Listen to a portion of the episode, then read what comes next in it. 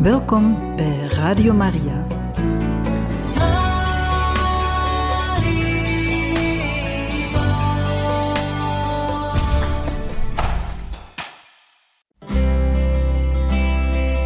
Welkom bij Boekat, een programma van Radio Maria.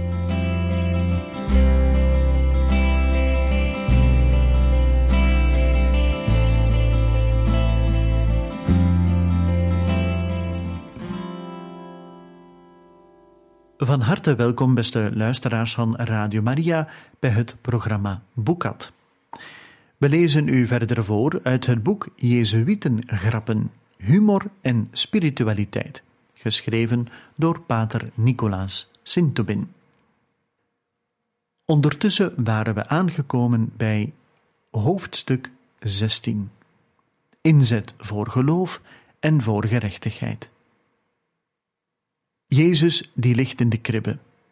En in de kribbe kijken twee Jezuïeten, samen met de nos en de ezel, naar het kindje Jezus. En een van de twee stelt voor: Ja, dit kind lijkt toch echt heel beloftevol. Zou het geen goed idee zijn mochten we de ouders aansporen om het kind al in te schrijven in een van onze gerenommeerde colleges? Ja, zegt een andere. Ik heb er ook aan gedacht.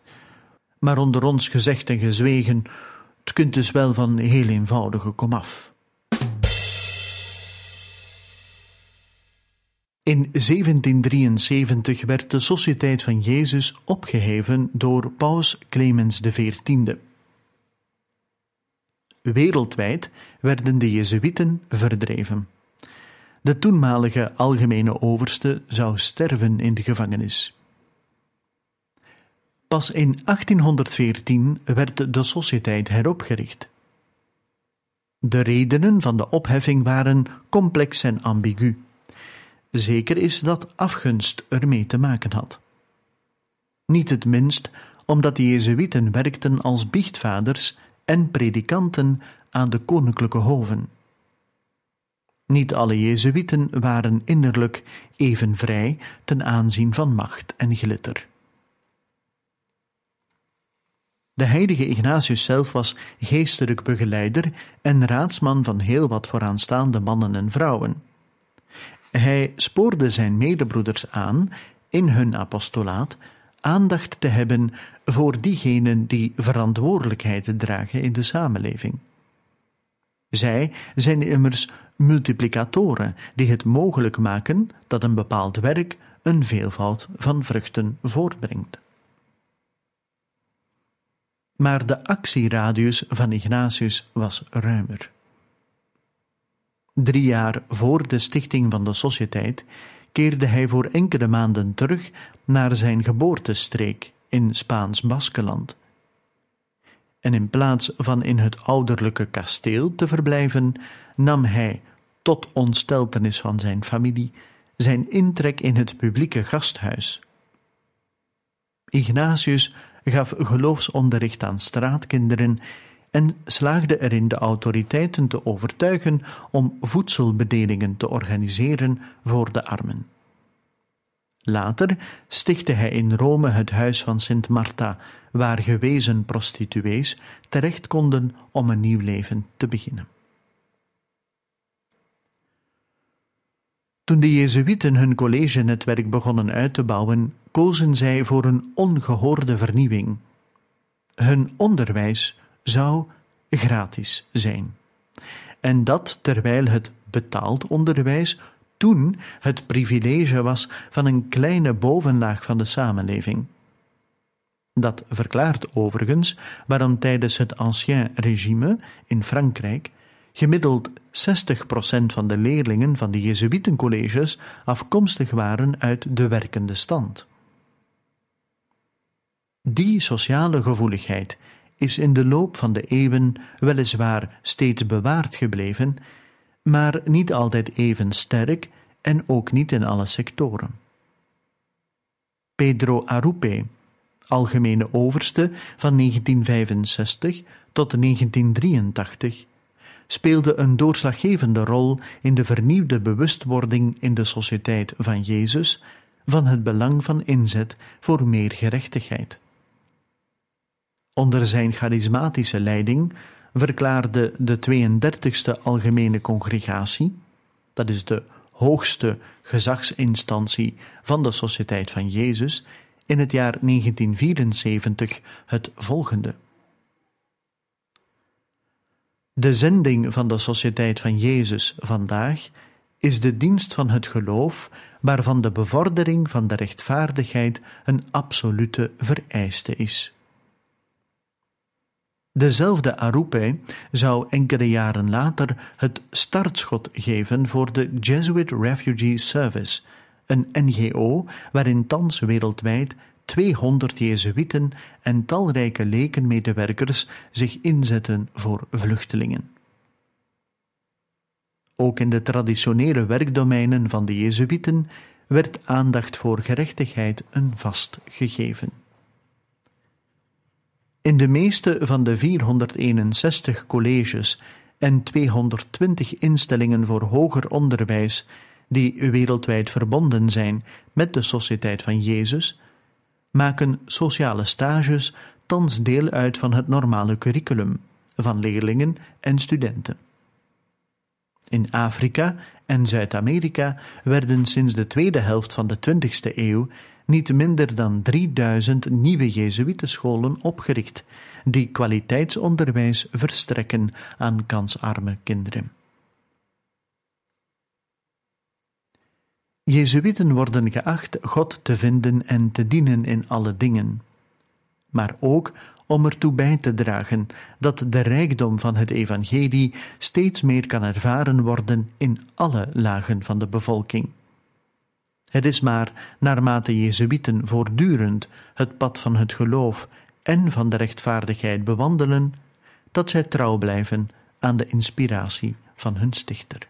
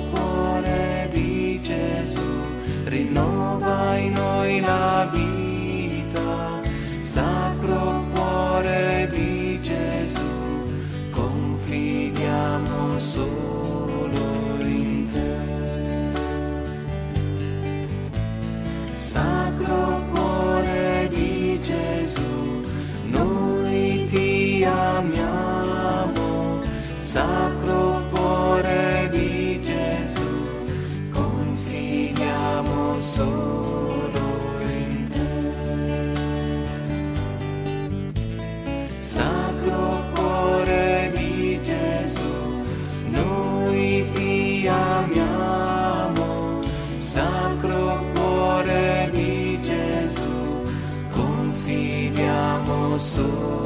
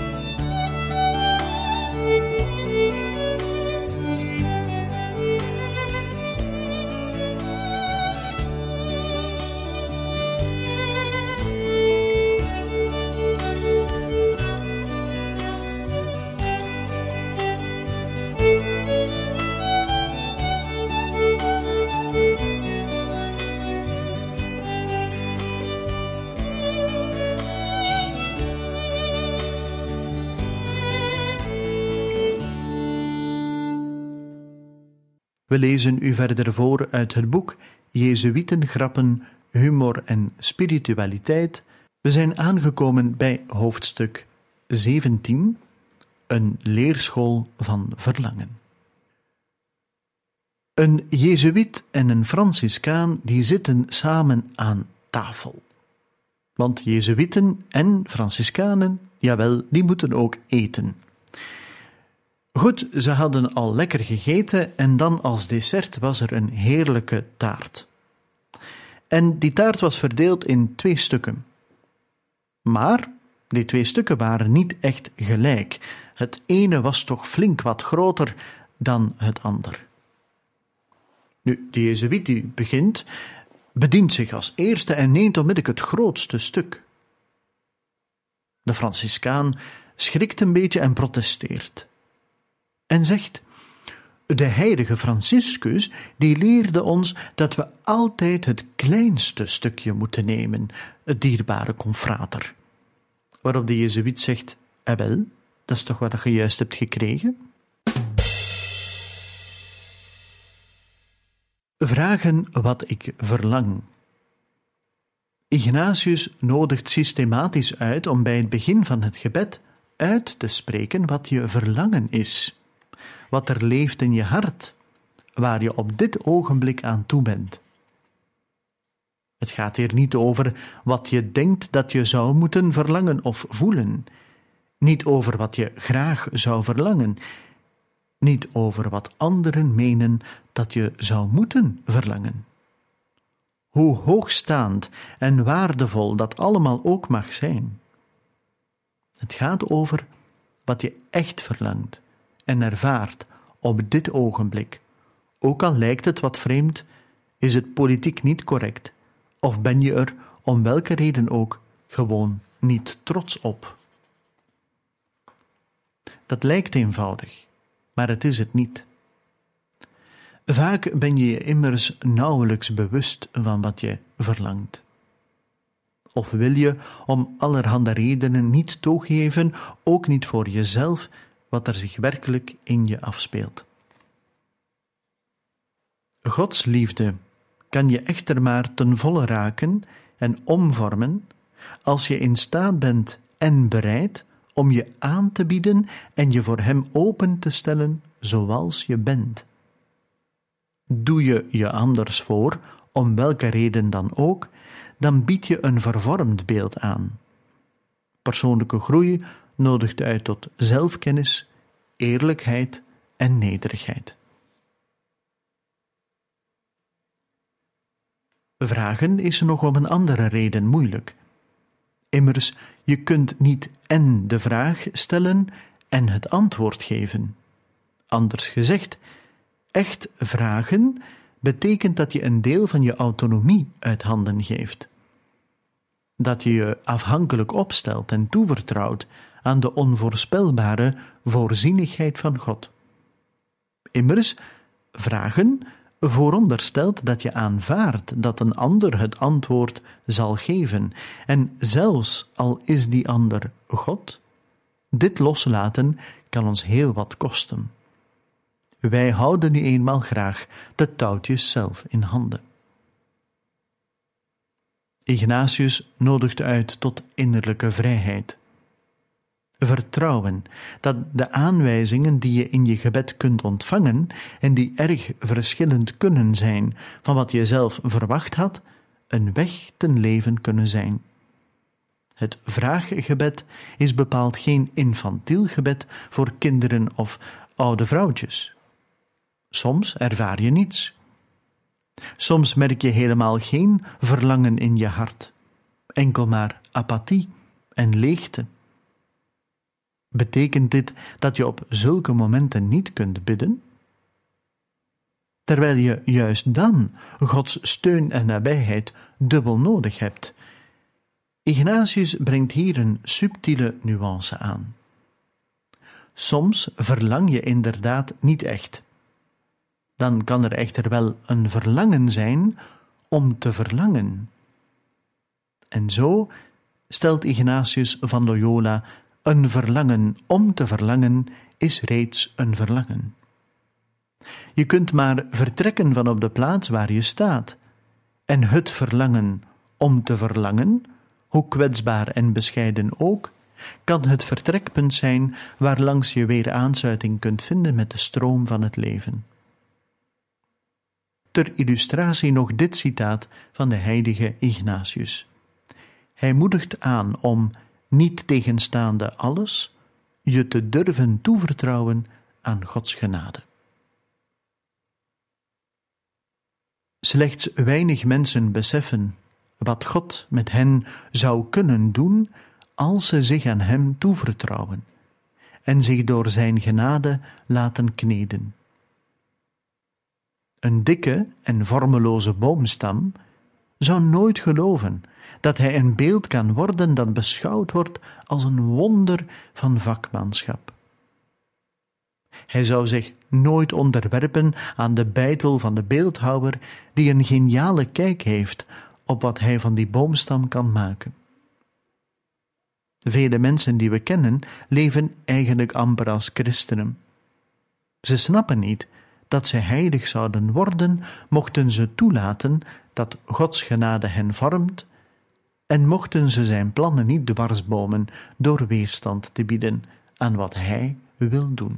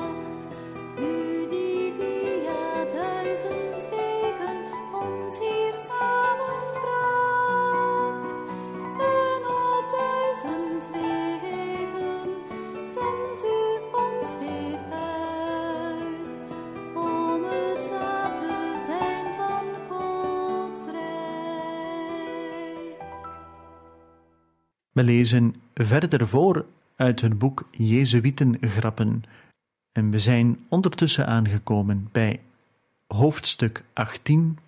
Hun klooster is de straat.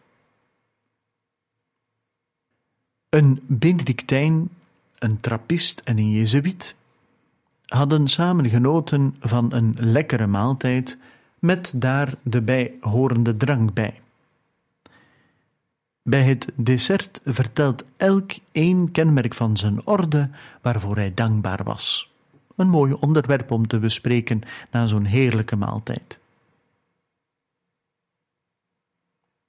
Wij hebben Benedictine, zei de Benedictijn. En wij hebben trappist, zei de trappist. Waarop de Jezuïet zei: En wij, wij laten ons niet op flessen trekken. In de katholieke kerk is er een grote verscheidenheid van vormen van religieus leven, elke met hun eigen charisma. De Benedictijnen staan bekend voor hun eeuwenoude liturgische traditie. Het zijn contemplatieve religieuzen die verbonden zijn aan een abdij. Ora et labora, gebed en eenvoudig werk, is wat de heilige Benedictus hen voorschrijft. Ook de trappisten zijn contemplatieven. Zij leggen de nadruk op de beleving van de armoede en op het gemeenschapsleven. Waar de Benedictijnen een sterke intellectuele traditie hebben, daar kiezen de trappisten eerder voor ascese en handwerk. Jezuïten zijn actieve of apostolische religieuzen. Hun klooster is de straat. Ze verhuizen regelmatig. Soms ook in het bijzonder tijdens de vormingstijd van het ene land naar het andere. Je treedt dus niet in bij de Vlaamse of de Chileense Jezuïeten, maar wel in een wereldwijde familie. Eén broederschap van 18.000 mannen die leven in een paar duizend gemeenschappen verspreid over 127 landen. Jezuïeten worden nogal eens vereenzelvigd met onderwijs. Toch werkt slechts één Jezuïet op de vijf in het onderwijs. Al hebben ze de naam intellectueel te zijn, de Dominicanen zijn dat nog meer. Je wordt ook maar beter geen Jezuïet als je verlangt naar een rijk liturgisch leven, de liturgische cultuur van de Jezuïeten is doorgaans, om het vriendelijk uit te drukken, sober. Ignatius verbood in zijn grondregel dat men aan de voorschriften in zaken de armoede zou tornen, tenzij om ze strenger te maken. Dit betreft in de eerste plaats het persoonlijk leven van de Jezuïeten, die, zoals gebruikelijk is in het religieuze leven, geen persoonlijk vermogen hebben en al hun inkomsten in de gemeenschap inbrengen. Voor hun werken hebben de Jezuïeten van oudsher de gewoonte er niet voor terug te schrikken om heel moderne middelen te gebruiken. Wat de boekdrukkunst betekende in de 16e eeuw, zijn de moderne communicatiemedia vandaag. Het Rijk van God is dat waard. Van de Jezuïeten zou je kunnen zeggen dat ze geen echte apostolische specialiteit hebben. In de constituties, de grondregel, schreef de heilige Ignatius dat de Sociëteit van Jezus gesticht is voor het helpen van de zielen. Concreet betekent dit dat de Jezuïeten verlangen beschikbaar te zijn om daar te gaan werken waar de noden van de kerk en samenleving het grootst zijn. Al naar gelang de plaats in de wereld kan dat leiden tot inzet in sociaal werk, in de ecumenische dialoog, in onderwijs, in parochies, in wetenschappelijk onderzoek, in geestelijke begeleiding, in gezondheidszorg, in de media. Dat verklaart waarom je Jezuïeten kunt aantreffen op de meest uiteenlopende en soms onverwachte plaatsen en activiteiten.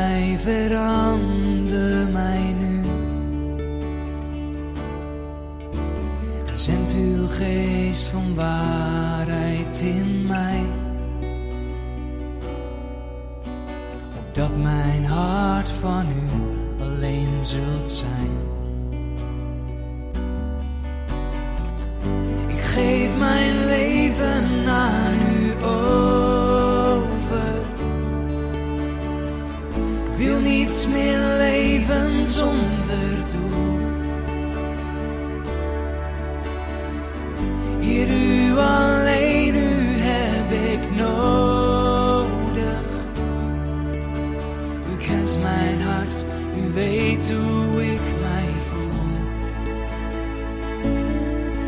Ja, u kent mijn hart, u weet hoe ik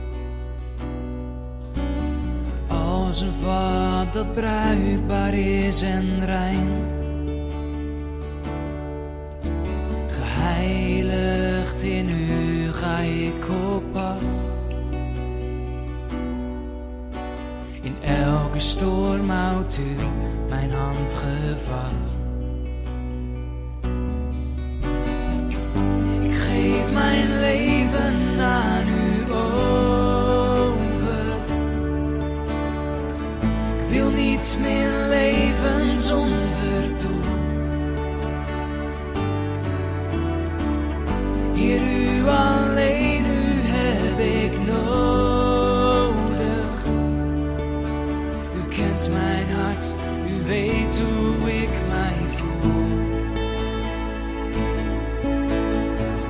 Ja, geef mijn leven aan u over. Ik wil niets meer leven zonder.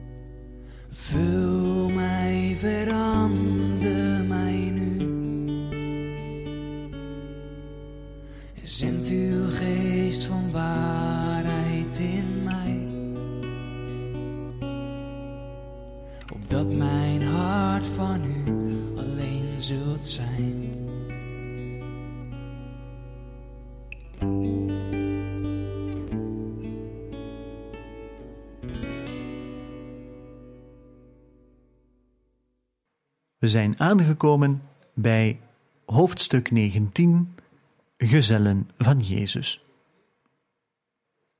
Over één ding zullen de meesten het eens zijn. Jezuïten zijn kritisch aangelegd. De sterke gehoorzaamheidstraditie maakt, paradoxaal genoeg, dat er veel ruimte ontstaat voor vertrouwen, creativiteit en persoonlijke vrijheid. Vele Jezuïeten schrikken er dan ook niet voor terug om tegendraads te zijn en op te komen voor wat hen ter harte gaat, ook al lijkt hun standpunt niet meteen te stroken met wat hoort. De ervaring van de geestelijke oefeningen van Ignatius is er trouwens niet vreemd aan. Tijdens hun vorming trekken Jezuïeten twee keer dertig dagen uit om het volledige parcours van de geestelijke oefeningen af te leggen. Dertig dagen van stil, persoonlijk gebed, in afzondering en met persoonlijke begeleiding. Het is ook gebruikelijk dat Jezuïeten jaarlijks acht dagen besteden aan het doen van geestelijke oefeningen. Soms gaat het bij die oefeningen over meditaties die Ignatius zelf heeft uitgewerkt. Meestal nodigen ze uit om te bidden met passages uit de Heilige Schrift in een volgorde en volgens een methode en dynamiek die Ignatius beetje bij beetje zelf heeft ervaren en op punt gesteld, even strikt als soepel en aanpasbaar. De gebedsvorm van de geestelijke oefeningen is een voortdurende leerschool, die de mens uitnodigt om zijn persoonlijke godservaring ernstig te nemen. Door veel aandacht te schenken aan de terugblik op de persoonlijke gebedservaring en de ermee gepaard gaande onderscheiding, kunnen de oefeningen leiden tot grote creativiteit en apostolische durf. Dat geldt voor Jezuïeten, maar net zo goed voor de vele duizenden mannen en vrouwen over de hele wereld, die jaarlijks geestelijke oefeningen doen in uiteenlopende vormen. De Sociëteit van Jezus is echter ook een priesterlijke orde die radicaal verankerd is in de kerk. Vele Jezuïeten leggen een bijzondere gelofte af van gehoorzaamheid aan de paus voor de zending. In laatste instantie is het de paus, hoofd van de katholieke kerk, die de basisoriëntaties geeft voor het werk van de Jezuïeten. Jezuïeten werken, rechtstreeks of onrechtstreeks, in dienst van de kerk. Hoe meer je van iets of iemand houdt, hoe meer je er kritisch tegenover kunt staan dat geldt ook voor de houding van de Jezuïeten ten aanzien van de kerk. Eén ding staat binnen de sociëteit echter buiten kijf. Hoe verschillend Jezuïeten onderling ook kunnen zijn. Toen de eerste tien gezellen een naam zochten voor hun groepje, leek het hun voor de hand liggend dat zij de naam van Jezus zouden aannemen. Het gezelschap van Jezus was geboren. De ervaring van de geestelijke oefeningen was en is inderdaad sterk gericht op de persoon van Jezus. In stilgebed wordt uitvoerig en langdurig het leven van Jezus beschouwd. Van de aankondiging aan Maria over het verborgen en het openbare leven van Jezus, langsheen de passie tot aan de verrijzenis. Steeds nodigt Ignatius de biddende mens uit om zich te plaatsen voor de levende Heer en te onderscheiden hoe en waartoe hij of zij door hem geraakt en opgeroepen wordt. Elk op een unieke wijze, een leven lang. De naam Jezus vind je ook terug in de naam Jezuïet. Een Jezuïet schrijft achter zijn naam S.J. Societatis Jesu, van de Sociëteit van Jezus. Een Jezuïet is een socius Jesu, een gezel, een vriend van Jezus. Precies door vriend van Jezus te worden, worden Jezuïeten vrienden van elkaar. Het is de vriendschap met en in de levende Jezus die het fundament en het onvervangbare cement vormt van het gezelschap van Jezus.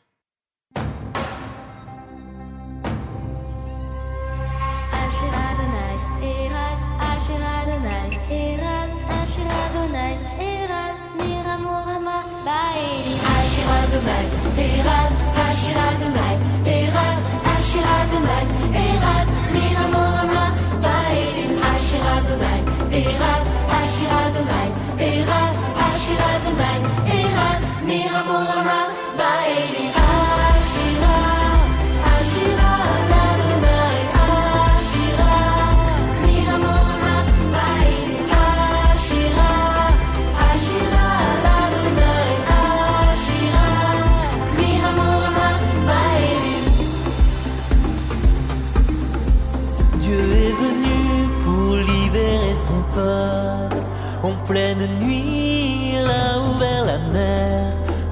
m'a troublé, il est venu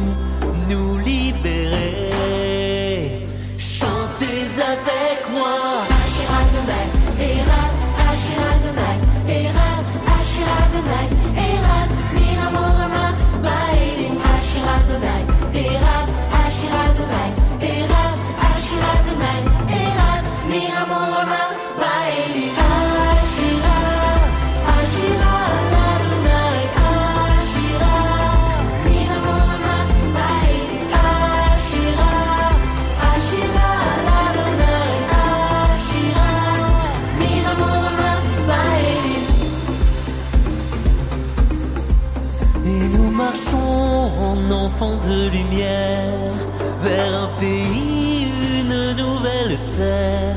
Nous voici libres, laissons nos peines, laissons nos chaînes. Chantez avec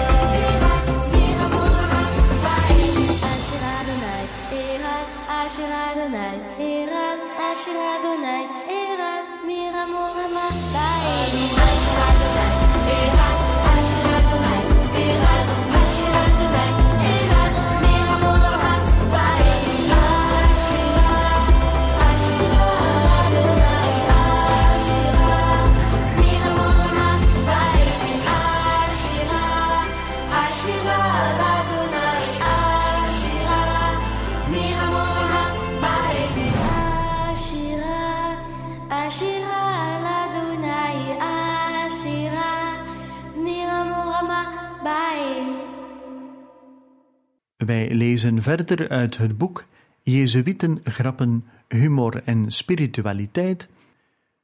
We zijn aangekomen bij het laatste hoofdstuk 20. Liever voor dan tegen. Een Jezuïet en een Dominicaan zitten samen aan een tafeltje. Ze drinken wat, zijn ook bevriend met elkaar. En ineens gaat het gesprek over hun beide ordes. Vraagt de een aan de ander: Wat is er gemeenschappelijk aan de orde van de Dominicanen en die van de Jezuïeten? En waarin verschillen ze? Waarop dat de Jezuïet zegt: beide zijn gesticht door een Spanjaard. Dominicanen door de heilige Dominicus, de Jezuïeten door de heilige Ignatius van Loyola. En beiden zijn ook gesticht om de ketters te bestrijden. Hè? Dominicanen de Kataren en de Jezuïeten de protestanten. Maar ja, zegt de Jezuïet, wat is dan eigenlijk het verschil tussen de Jezuïeten en de Dominicanen? Wat denkt jij dat verschil is? Waarop dat een Dominicaan zegt, hebt jij ooit al een Kataar ontmoet?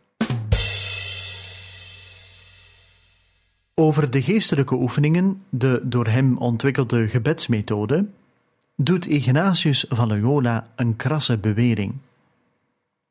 Hij zegt over de oefeningen dat ze het mogelijk maken dat de Schepper en Heer zelf zich meedeelt aan de ziel die hem genegen is, dat hij haar omarmt, zodat ze hem kan liefhebben en loven. Met andere woorden, de heilige Ignatius beweert dat de door hem ontwikkelde gebedsmethode kan leiden tot een rechtstreekse godservaring. Wie de oefeningen zelf gedaan heeft, zal kunnen inschatten wat hiermee bedoeld wordt. In het Spanje en Frankrijk van de eerste helft van de 16e eeuw kon een dergelijke uitspraak echter gemakkelijk argwaan wekken. Het zich snel verspreidende protestantisme stelde namelijk de rol van de kerk als bemiddelende instantie tussen God en mens in vraag. Iemand die beweert dat je zelf rechtstreeks God kunt ervaren, zou dat geen verlichte zijn, een verdoken protestant? Meerdere keren is Ignatius voor de Inquisitie moeten verschijnen en is hij zelfs gevangen gezet. Meer nog, soms ging Ignatius zichzelf vrijwillig aanbieden bij de Inquisitie. Hij wilde namelijk binnen de traditie van de kerk leven en werken. Telkens werden zowel hijzelf als zijn geestelijke oefeningen uitdrukkelijk vrijgesproken van ketterij. Omdat de Dominicanen toen een belangrijke rol speelden in de Inquisitie, vermoedt men dat er wel een flinke haar in de boter moet zitten tussen hen en de Jezuïeten. Een feit is echter dat op de dag van vandaag de verhoudingen uitstekend zijn. In die mate dat bij het overlijden van de algemene overste van de Jezuïeten de magister-generaal van de Dominicanen voorgaat in de uitvaart en vice versa. Uit dezelfde periode stamt nog een andere misvatting. De contra-reformatie was niet in de eerste plaats gericht tegen de protestanten. Ze was ten gronde en primair een hervormingsbeweging binnen de katholieke kerk, gericht naar binnen. Zo zijn ook de Jezuïeten niet ontstaan als een organisatie om de protestanten te bestrijden. De Sociëteit van Jezus is niet opgericht tegen iets of iemand, maar wel om zich in te zetten voor iets, voor God en zijn mensen. Dat sluit aan bij het optimisme en het vertrouwvolle a priori van Ignatius. Het is veel zinvoller je in te zetten voor iets dan te vechten tegen iets. Het is veel vruchtbaarder je handelen te laten inspireren door wat je vreugde en kracht geeft, dan door wat je angstig, boos of verdrietig maakt. Wat geldt voor de relatie met de Dominicanen, geldt vandaag ook voor de relatie met de protestanten. De Jezuïeten werken op allerhande plaatsen en in uiteenlopende structuren samen met hun protestantse broeders en zusters. Heel wat protestanten doen trouwens de geestelijke oefeningen.